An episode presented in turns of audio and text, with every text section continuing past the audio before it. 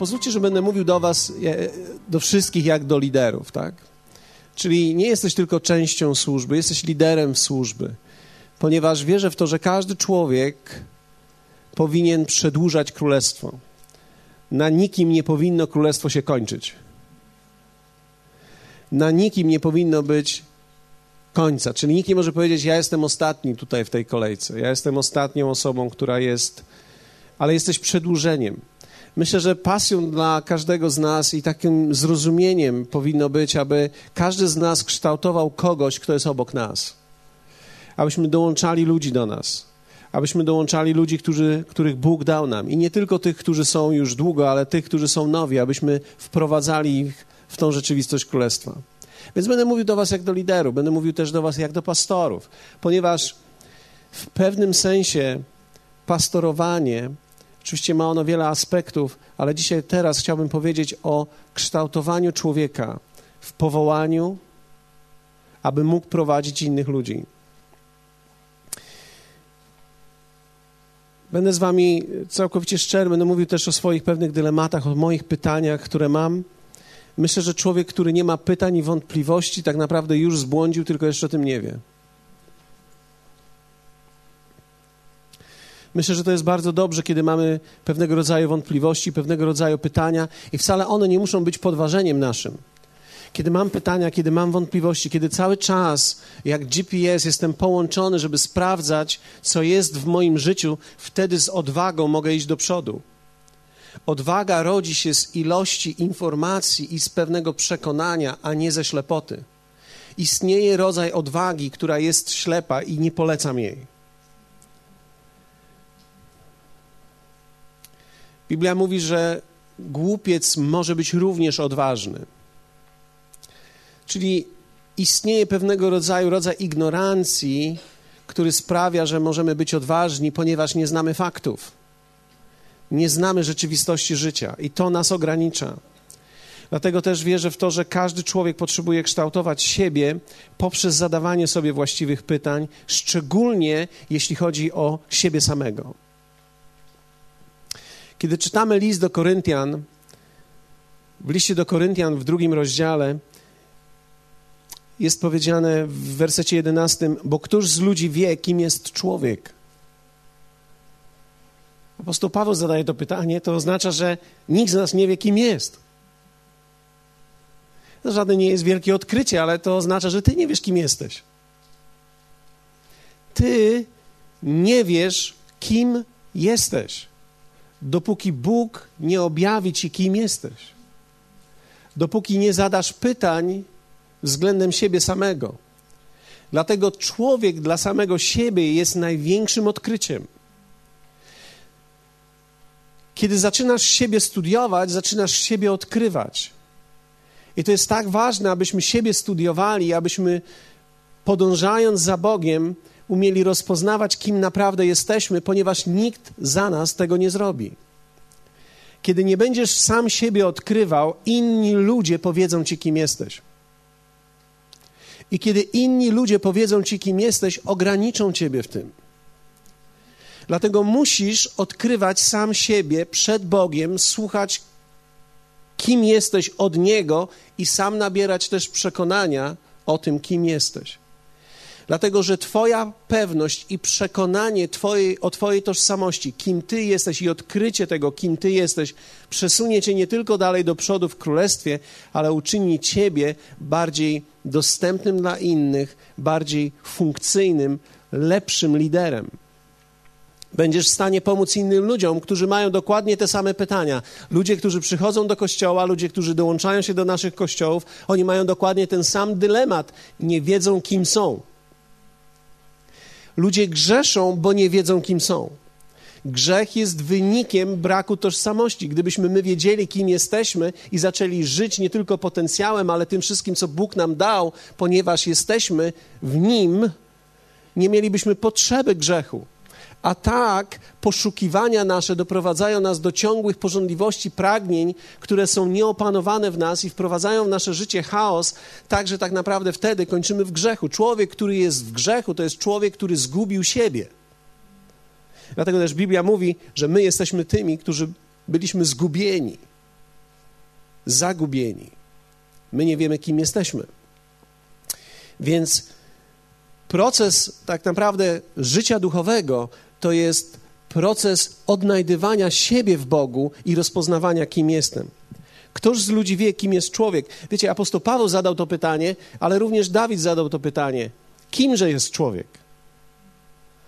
Inaczej mówiąc, każdy człowiek w pewnym momencie, kiedy się rozwija przed Bogiem, zadaje sobie pytanie: kim ja jestem? Kim jestem?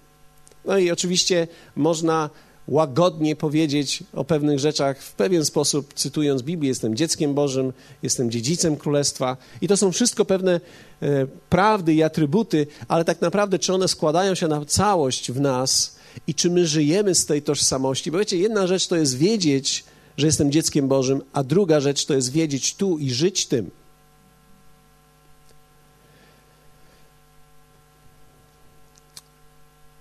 Kim jestem? Psalm 105, 17 werset mówi takie słowo: Wysłał przed nimi męża Józefa sprzedanego w niewolę. Czyli możemy powiedzieć tak: Józef nie był sprzedany. Józef był wysłany.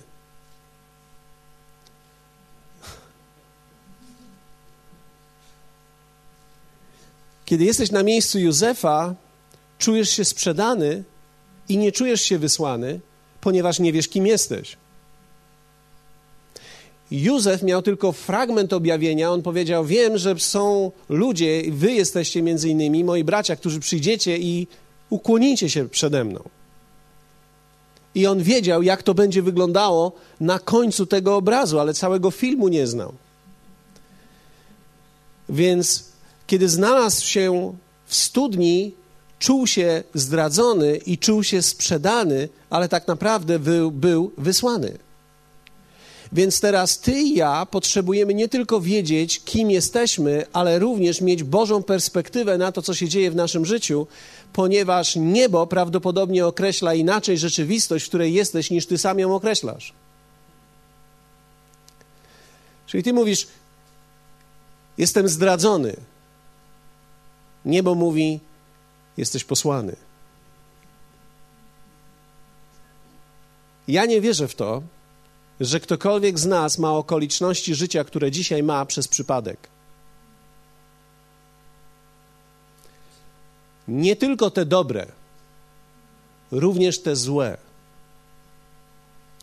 Ktoś może powiedzieć: Diabeł we mnie uderzył. Tak może być. W pewnym sensie jednak to wcale nie musi być złe. Ponieważ to, co diabeł zamyślał, zamyślił ku zniszczeniu, Bóg zamyślił ku rozwojowi. Więc to, co ciebie dzisiaj niszczy, w pewnym sensie ciebie ożywia i ożywi też innych. Gdyby nie problem, który dzisiaj masz, być może nie mógłbyś pomóc innym ludziom, ale nie wiesz o tym, ponieważ jesteś jeszcze w procesie, dlatego musimy sami siebie odkrywać. Kościół i życie Kościoła i życie przywódcy to jest samo odkrywanie, że to, co się dzieje w moim życiu, jest wolą Bożą. Ktoś może powiedzieć: Nie, to niemożliwe jest. Ja nie chcę powiedzieć, że każdy aspekt był wolą Bożą, ale wola Boża nie jest okolicznością. Wola Boża jest kształtem, który używa okoliczności. Więc kiedy miałeś coś strasznego, co się wydarzyło w Twoim życiu, to niekoniecznie musiała być wola Boża, ale to jest okoliczność. Natomiast wola Boża jest kształtem, który powstaje z tej negatywnej okoliczności, bo tylko Bóg jest w stanie wziąć, co jest straszne w Twoim życiu i odkupić to ku dobremu.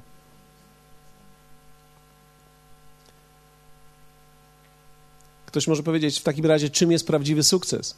Prawdziwy sukces to nie jest wtedy, kiedy wszystkie okoliczności życia moje idą dobrze. Prawdziwy sukces jest wtedy, kiedy każdą okoliczność jestem w stanie odkryć z Bożej perspektywy, nazwać ją, wiedzieć kim jestem i w odkupieńczy sposób użyć ją dla rozpowszechnienia królestwa. Dlatego apostoł Paweł mówi: Moje więzy przysłużyły się. To oznacza, że musi być pewnego rodzaju decyzja poprzez samo odkrywanie sytuacji, w której jestem, jak i tego, kim jestem, aby rozumieć, że to się przysłuży.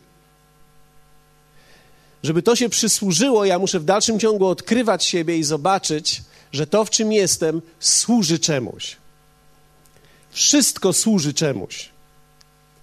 Kiedy nagle masz wielkie błogosławieństwo finansowe, to służy czemuś. Ale to nie musi być sukces. Kiedy nagle masz załamanie finansowe, to służy czemuś. To wygląda jak porażka, ale wcale nie musi nią być. Więc czy mam, czy nie mam, Jego jestem, Jemu służę i obracam to wszystko ku dobremu. Lepiej jest mieć niż nie mieć. Ale lepiej jest odkryć, kiedy nie mam, co się dzieje i nauczyć się nie mieć, niż nie umieć mieć.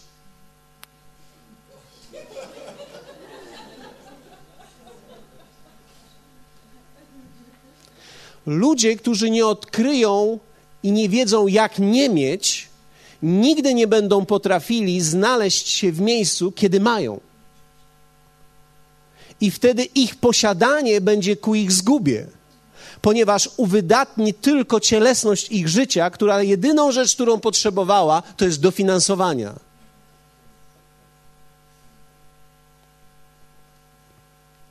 Więc odkrywanie siebie, widzenie Bożej perspektywy na to, w czym dzisiaj jestem i rozpoznanie tego, że nic w moim życiu nie dzieje się, co nie mogłoby przysłużyć się działaniu Jego wszechmocnej woli i Jego mocy, która jest w stanie mnie wyrwać, jest w stanie mnie przenieść, jest w stanie mnie wyzwolić, jest w stanie dać mi życie i życie innym ludziom.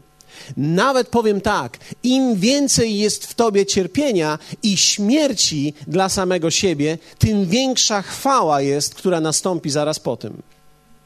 Ponieważ nic tak nie przemienia człowieka, jak odkupione cierpienie, przez które przechodzi.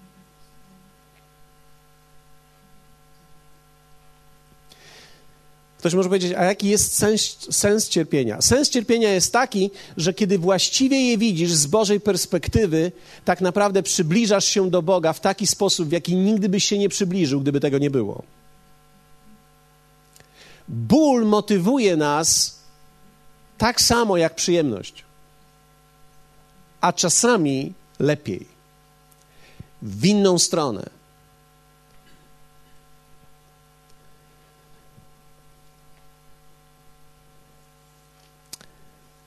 Hmm. Bóg powołał ciebie do miejsca, w którym jesteś, bo widział tam problem. Więc powołał człowieka, który jest w chaosie, aby go uporządkować. I poprzez jego uporządkowanie rozwiązać problem, w którym on się znajduje. Największą Największym placem budowy i uporządkowania jest kościół lokalny. W nim zradza się najwięcej trudnych dynamik życia, które nigdy by się nie zdarzyły, gdyby nie kościół. Dlatego jest, można powiedzieć tak, łatwiej żyć bez kościoła. Ale nie da się wzrosnąć bez niego. Łatwiej jest być w domu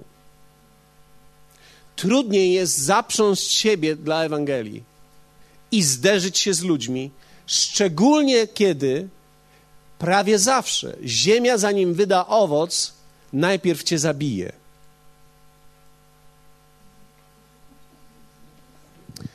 To jest parafraza tego, że ziarno, które zostało rzucone w ziemię, musi najpierw obumrzeć, więc ziemia na początku rozkłada ciebie ona przykrywa ciebie, jest ciemno i ma być ciężko i trudno i nic nie widać.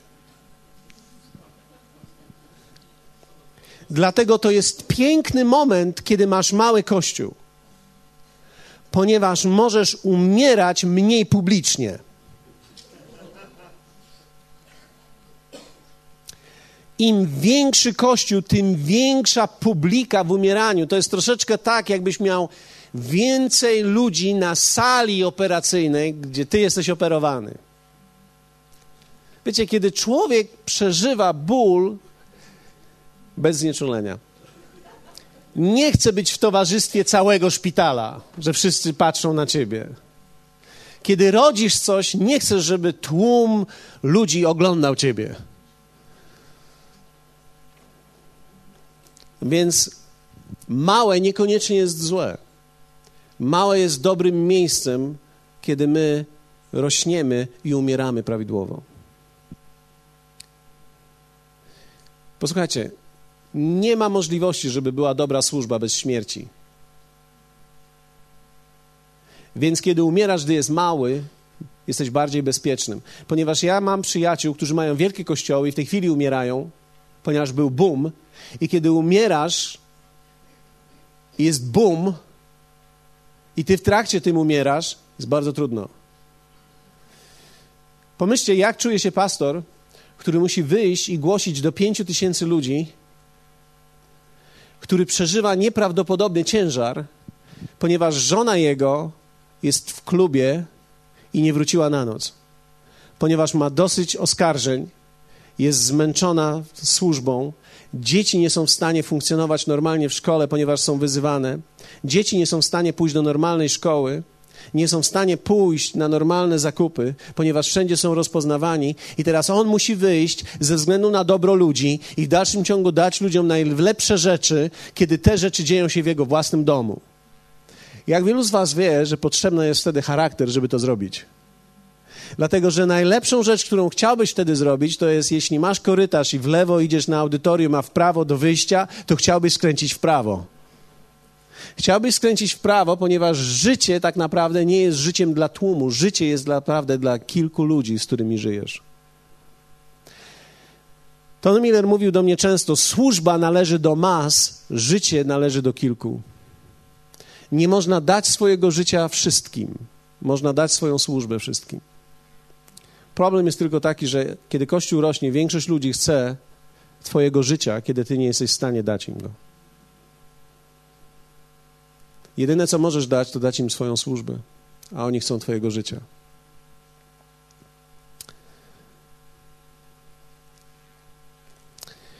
E, pozwólcie, że e, mam jeszcze parę minut. Pozwólcie Wam, że, że zareklamuję Wam kilka książek, jeśli oczywiście znacie język angielski, bo, bo inaczej to trudno. E, ale moim zdaniem warto są przeczytania te książki. E, kiedy rozmawiałem z pastorem Rickiem, on polecił mi je i zamówiłem po, po paru miesiącach przyszły. Już teraz nie wiem, czy to poczta źle działała, czy Beatka późno zamówiła, ale... E, ale... ale jedna z rzeczy, które pozwoliły mi odkrywać siebie samego, to jest książka Gordona MacDonalda Ordering Your Private World porządkowanie swojego prywatnego świata. I ostatnia, którą skończyłem teraz w tym tygodniu, został mi dwie strony. Ale takie cedzę, bo szkoda mi. Spis treści mi został. The life God blesses. E, życie, które Bóg błogosławi. I e, te książki pozwoliły mi zajrzeć troszeczkę głębiej w siebie Dlatego, że kiedy nie masz narzędzia, w jaki sposób siebie odkrywać, nie bardzo wiesz, co z sobą zrobić. Nie bardzo wiesz, z czego wynikają te problemy.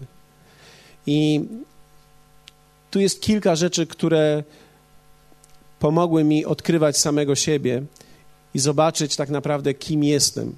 Więc pozwólcie, że podam wam je. One są taką sumą tych rzeczy, które są tutaj, więc jeśli ktoś z was nie zna języka angielskiego, może myśleć o tym, co teraz powiem. Pierwszą rzeczą jest kierunek. Każdy człowiek za czymś idzie. Każdy człowiek ma jakąś błyskotkę, która go kręci.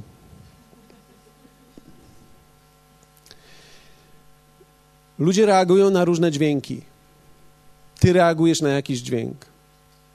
Mamy ulubioną muzykę. Ja lubię country. Niewielu ludzi lubi country dzisiaj. Ale są tacy, którzy lubią country. Ja lubię country. Mój syn się śmieje, kiedy słucham piosenek chrześcijańskich w stylu country.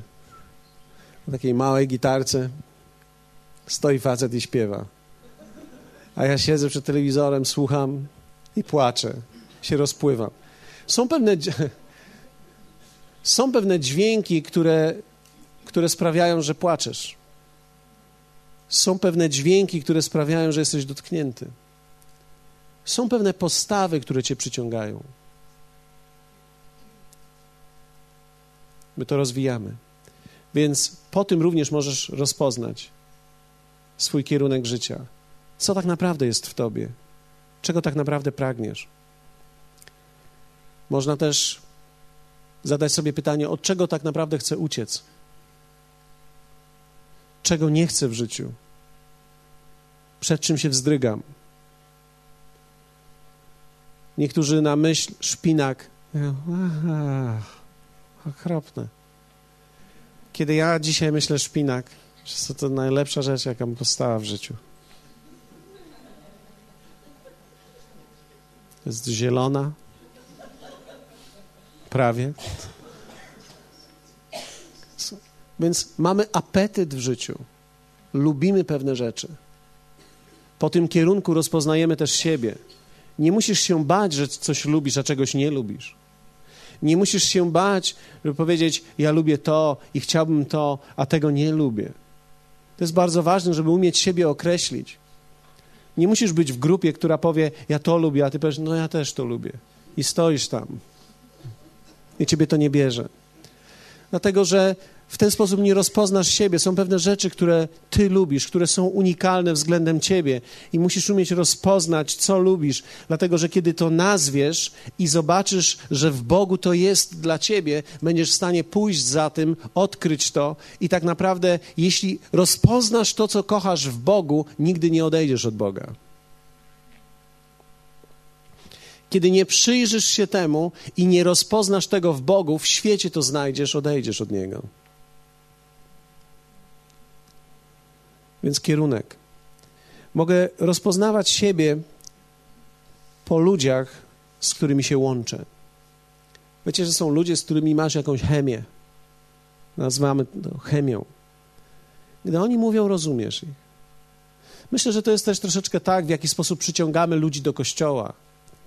Przyciągamy ludzi, którzy nas rozumieją. Dlatego jako pastor mogę powiedzieć, ja nie mogę mieć pretensji do ludzi, którzy są w moim kościele. Jeśli oni mnie rozumieją, chyba są tacy jak ja.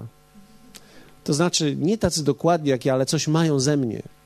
Więc kiedy oni się, kiedy mi się nie podobają, i jedyny sposób, żeby ludzi wymienić albo zmienić, zmienić siebie. Dlatego, że kiedy będziesz zmieniał siebie, zmieniasz dźwięk, który płynie z ciebie i innych ludzi przyciągasz. Każdy lider powinien umieć rozpoznać to. Jeśli ciągle przyciągasz, ja ciągle przyciągam jakichś dziwaków. Jakichś takich pokręconych. Ja teraz nie mówię o sobie, tylko mówię o, o hipotetycznym pastorze, który ma taką myśl w swoim domu po niedzielnym spotkaniu. Siedzi sobie przy herbacie już po południu i myśli sobie, no były trzy osoby nowe, ale takie dziwne, pokręcone. Każda z nich mówi, Pan Jezus powiedział mi to, Duch Święty powiedział mi tamto. I myślisz sobie, no oni już są duchowi, zanim jeszcze duchowi są. No i, i myślisz sobie, co to za ludzie są w ogóle? I tak myślisz, ja przyciągam samych dziwnych ludzi. W jaki sposób cię oni zrozumieli?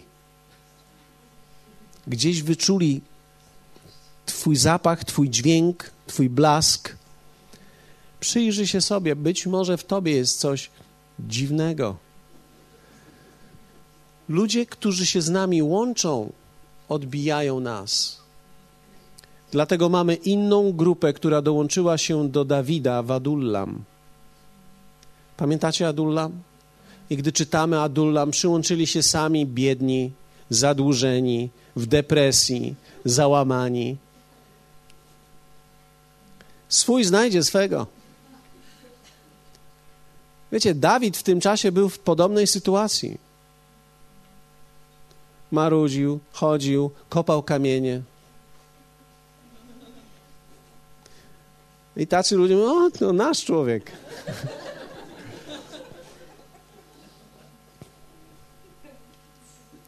I zupełnie inni ludzie dołączyli się do niego w Hebronie. W Hebronie nagle przyszli inni ludzie. Niektórzy z Adullam, którzy podążyli w procesie przemiany, zmienili się i byli z nim, ale nie wszyscy. Niektórzy zostali w Adullam i dalej narzekali. Całe szczęście Dawid się rozwijał i doszedł do miejsca Hebronu i zaczął wydawać inne dźwięki. Inni ludzie przyszli. I ci ludzie powiedzieli: No, ty możesz być naszym królem. Wadullam mógł być przywódcą, ale w Hebronie mógł stać się królem. Każdy dobry lider przyciąga innych ludzi na różnym poziomie swojego rozwoju. I inni ludzie Ciebie rozumieją, i inni ludzie się do Ciebie dołączają. Niektórzy ludzie muszą odejść z Twojego życia. Nie dlatego, że są źli, ale dlatego, że już nie pasują i już Cię nie rozumieją. Ty wydajesz inny dźwięk. Czy to jest łatwe? Nie, absolutnie nie. To jest straszne. To jest straszne, dlatego że w naszej duszy my się łączymy z ludźmi, w naszej duszy my chcemy być z ludźmi, my chcemy wszystkich pociągnąć ze sobą i chcemy wszyscy pójść w tą samą stronę i chcemy pójść wszyscy jednomiarowo, jak koreańska armia. My chcemy, żeby nikogo nie brakowało i żeby wszyscy mieli te same flagi. Z Korei pochodzi cheerleaderstwo.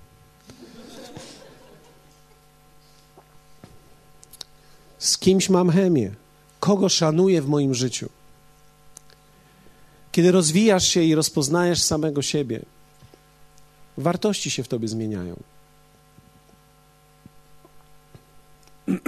Ja byłem człowiekiem bardzo charyzmatycznym. Biegałem po krzesłach. Niektórzy nawet pamiętają to do dzisiaj. Krzyczałem, byłem podekscytowany i dokonywałem wielu cudownych rzeczy. Kiedy jechałem po pastora Rastiego, to było ciekawe doświadczenie. Słuchajcie, to było ciekawe doświadczenie. Jechałem, ponieważ sprzedaliśmy samochód. E, jechałem tą małą Toyotką i ona nie ma CD. Pomyślałem sobie, no nie będę słuchał RMF-u, zobaczę, czy coś tam mam. Spojrzałem i tam mam trzy kasety. Jeszcze jest tam kaseciak. Wziąłem je kiedyś, jeszcze wiele lat temu, chyba tam położyłem i do tej pory leżą. A, moja żona położyła, tak? Chciałeś słuchać to? I znalazłem tam kasetę. Wiecie, kasetę. Dla mnie to już jest antyk. Kaseta. Paweł Godawa, 2003 rok. Pomyślałem sobie, hmm, interesujące. Włączyłem swoją kasetę i zacząłem siebie słuchać. Wsłuchiwałem się, wiecie, to jest prawie 10 lat. Wsłuchiwałem się i ten gość tam taki był podekscytowany, jak głosił to ja, oś, aleluja, hmm, hmm, a ja, ja brzmiałem trochę jak silnik, trochę jak człowiek. To, co mi się natomiast podobało na tej kasecie, to jest to, że słyszałem ludzi, że oni też tak samo reagowali. Yeah, ho. No, że to stąd się pojawiło to, że myśmy mieli dobrą sprzedaż w tamtym okresie. Ludzie nie mogli uwierzyć, że coś takiego może być w kościele. I słuchałem, słuchałem tego gościa i wiecie, 10 lat dystansu i pomyślałem sobie, rzeczywiście ja byłem wtedy podekscytowany, rzeczywiście nawet sam się podekscytowałem tym swoim kazaniem po 10 latach.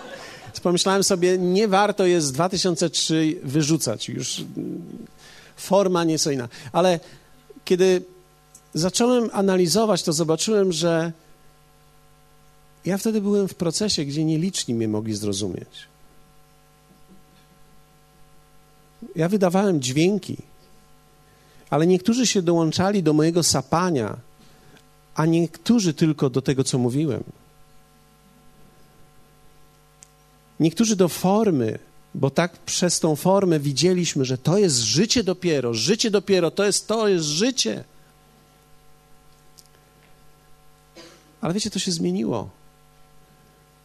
I pamiętam jeszcze, jak Artur y, mówił do mnie, jak zaczęliśmy programy nasze, i szukaliśmy opinii ludzi i wiecie, kiedy zapytasz o opinię ludzi, ludzie ci powiedzą. No i ludzie mi powiedzieli. No, że nie rozumieją tego gościa, który tak przed tym ekranem, tak w tym ekranie tam macha tymi rękami i tak sapie i tak się denerwuje, i tak się ekscytuje nie wiadomo czym i tak biega po tej scenie. Wtedy zrozumiałem, że tak naprawdę to nie chodzi o to, żeby mieć przesłanie, chodzi o to, żeby być zrozumiałym. Że zmagałem się z tym. Nie wiedziałem, jak to zrobić, więc uczę się. Troszkę się wystudziłem. Mam nadzieję, że nie zmieniłem treści. Mam nadzieję, że treść jest lepsza, ale forma bardziej dostępna. Ale to oznacza, że innych ludzi dzisiaj dołączamy przychodzi do mnie nowy człowiek niedawno i mówi: Przyszedłem do kościoła i po raz pierwszy kazanie zrozumiałem. Ja w życiu kazań nie rozumiałem. Ja po raz pierwszy kazanie zrozumiałem. Dziwne jest jednak to, że są starzy wierzący, 20 lat mają w Chrystusie, którzy przychodzą do mnie i mówią tak: No teraz już w ogóle nie wiemy, o czym ty mówisz.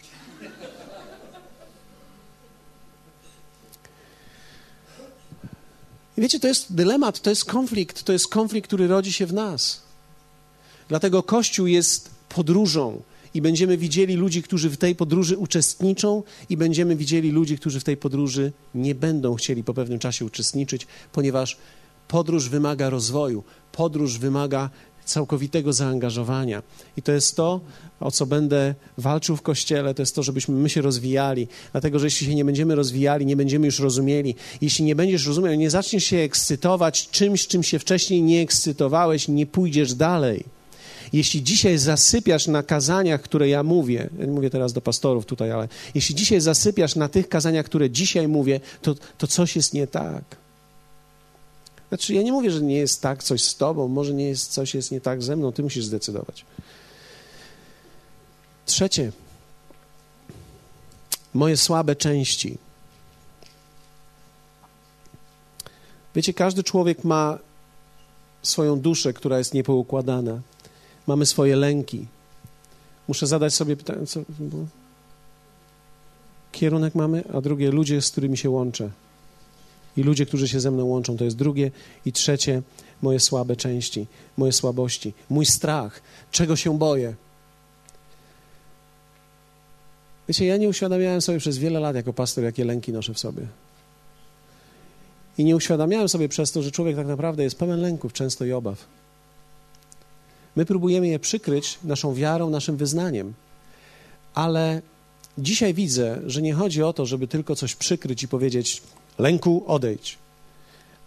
Ale dla, dla siebie samego dobrze jest zadać sobie pytania i troszkę podnieść ten lęk, przyjrzeć się jemu, ponieważ kiedy rozpoznam, czego się boję i dlaczego się boję, będzie to bardzo ważne dla mnie. Wiele mówią lęki o nas. Lęki bycia odrzuconym, opuszczonym. Wszyscy mamy to, wszyscy to nosimy. Jak sobie z tym radzę? Na jakim one są poziomie. Wiecie, to jest jak w samochodzie, pewien poziom płynów jest, musi być właściwy.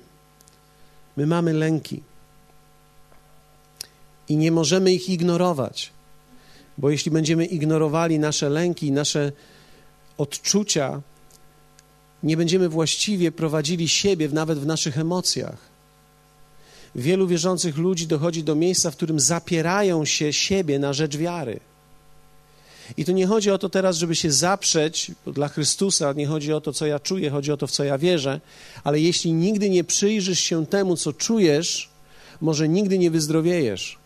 Dlatego, że często do naszych lęków potrzebujemy przyjąć uzdrowienie, dlatego, że lęki często wynikają z naszych zranień wcześniejszych i my boimy się, że będziemy znowu zranieni, więc jeśli nie będziemy uzdrowieni, niektóre lęki mogą towarzyszyć nam przez całe nasze życie.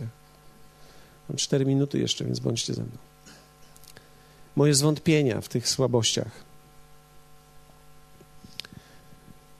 Czy ja wątpię w coś? Myślę, że każdy człowiek powinien wątpić nie wątpić tak, że stoi, ale mieć zdrowe zwątpienia. Ale też nawet przyjrzeć się tym chorym. Wiecie, że kiedy pomagamy ludziom i patrzymy na ludzi, są ludzie w kościele, którzy nie mogą po prostu uwierzyć, że Bóg chce ich błogosławić niezależnie od tego, jak dużo do nich mówisz i powiesz im to, 10 lat mówisz o tym, 20 lat mówisz o tym, a w środku, w dalszym ciągu oni nie wierzą w to. Gdzieś głęboko mają zwątpienie w swoim sercu i ponieważ ono dominuje w nich, to, co dominuje w tobie, będzie prowadziło ciebie. To nie to, co wiem, tylko to, co we mnie dominuje. Więc kiedy mam zwątpienie i ono ogarnia moją duszę, tak naprawdę muszę przyjrzeć się temu. Moje po porządliwości i moje pragnienia. Dlaczego ciągnie mnie w jakąś stronę? Pamiętam, któregoś dnia jechałem z jednym pastorem i on zadał mi pytanie: Wiesz co? Powiedział: Są trzy porządliwości życia: porządliwość ciała, porządliwość oczu i pycha. Którą z nich ty masz najbardziej rozwiniętą? Ja mówię, nie wiem, jeśli chodzi o mnie, to wszystkie trzy. To znaczy, ja nie zakładam, że w czymś jestem zdrowy. Nie zakładam. Bo widziałem, że są ludzie, którzy zakładają, że nie mają z czymś problemu. Najbardziej człowiek zwodzi samego siebie.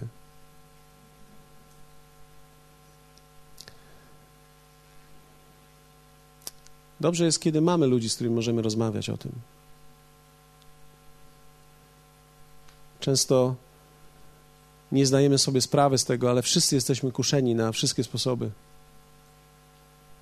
Nie mówimy o tym, nie mówimy o tym w przywództwie, nie mówimy o tych zagrożeniach, nie mówimy często i, i tak rozbijamy nasze życie lub też nie rozwijamy go prawidłowo.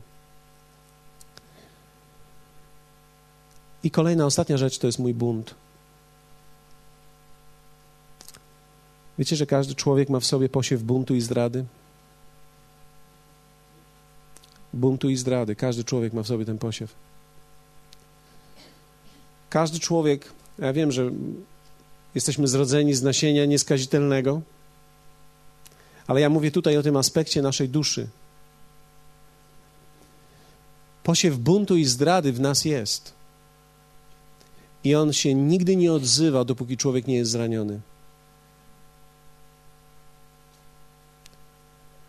człowiek nawet nie wie, że może zdradzić czy być w buncie, dopóki nie jesteś zraniony. Zranienie uruchamia w nas tą rzeczywistość. My to nazywamy inaczej. Często, ale tak jest. Każdy człowiek to ma. Nie zapomnę tego, kiedy pastor Rick Renner obnażył się przed swoim kościołem, chyba i przed całym światem, kiedy powiedział: Ja sam byłem pastorem, asystentem pastora który się zbuntował przeciwko swojemu pastorowi. Ten człowiek był dla mnie całym niebem, aż do momentu, kiedy mnie zdradził. Kiedy mnie zdradził, zacząłem go słyszeć inaczej. Zdystansowałem się do niego. Kiedy, powiedziałem, zdradził? Zranił. Kiedy mnie zranił. Kiedy on nawet mnie nie zranił, ja poczułem się zraniony, bo nawet nie chodzi o to, że ktoś cię rani. Ty się czujesz zraniony, nawet jeśli ktoś nie chce. Nie zaprosi cię na dane miejsce albo na dane spotkanie, nie powie ci właściwego słowa, kiedy ty jesteś wycieńczony i tak dalej, i tak dalej. Więc tak naprawdę nawigowanie moimi zranieniami jest bardzo istotne. Każdy człowiek ma to w sobie, ten posiew buntu. Jeśli nie reagujemy właściwie w danym momencie, będziemy mieli tendencję, żeby odchodzić i odłączać się. Jest wiele kościołów, które powstały dlatego, że był posiew buntu i czekaliśmy na zranienie. Kiedy zostaliśmy zranieni, myślimy sobie, Pan nas powołuje teraz. Problem jest taki, że nawet jeśli masz w sobie Boże powołanie i nawet jeśli zaczniesz Boże powołanie, ale nie zmierzysz się z tym buntem, który jest w tobie, będziesz ten posiew rozsiewał po innych. I ci ludzie, do których ty będziesz mówił, oni będą zainfekowani, bo będziesz to rozdawał. Twój zarazek się tam dostanie i on będzie tam, w nich. I to będzie pobudzało. I to tylko będzie tylko kwestia czasu, kiedy ci ludzie staną przeciwko tobie. Nie wszyscy, ktoś, kto się poczuje zraniony. Jak zabezpieczam siebie? Przez moją szczerą relację z Bogiem. To jest w tej chwili czwarty rok jak to robię systematycznie niż kiedykolwiek to robiłem. Pięć lat biegam i cztery lata się modlę. Czy wiecie, ja zawsze się modliłem, ale nigdy nie modliłem się tak, jak teraz. Ja wiem, że wielu z nas jest dotkniętych przez książki Andrew Omaka, że można mieć e, relacje z Bogiem cały czas i nie trzeba mieć czasu, tylko mieć relacje, bo cały czas ja jestem z Nim, a On jest ze mną. To nie jest dokładnie to, czego On uczy, ale można mieć taką takie wrażenie, kiedy czytasz to. Ponieważ każde nauczanie jest przeciwwagą do czegoś, co sam przeżyłem. Więc żadne nie jest balansem, każde jest przegięciem. Wiecie, ja mogę to powiedzieć, bo będę uczył Andrew teraz w szkole jesienią. E, I ja wiem, jakie są intencje, ale też rozumiem, że dlatego właśnie jest tak, że nikt nie ma wszystkiego. Każdy człowiek niesie w sobie pewien pułap buntu i błędu. I każde nauczanie musi być balansowane przez ciało, dlatego najbezpieczniejszym miejscem jest ciało. Często mówię tak, jeśli masz niewłaściwego człowieka i on staje się dla ciebie idolem i wszystkim, jesteś wspaniały, Bóg będzie musiał go usunąć z twojego życia, bo nie masz dystansu. My musimy umieć szanować we właściwy sposób. Więc nie szanować z uwielbieniem, szanować bez lekceważenia. Ponieważ jeśli przychodzą ludzie, a pewnie każdy pastor miał takich, którzy ci powiedzą, jesteś naj, najlepszą, nie no po prostu ty jak mówisz, to jeny, no po prostu jest, je, ja cię, naprawdę, wiesz, po prostu czuję, no, naprawdę, no, naprawdę. I później ci sami ludzie mówią, no teraz ten głosił, ale nie, nie, nie, ty jak mówisz, o, możesz być pewny, że to są pierwsi kandydaci do odejścia.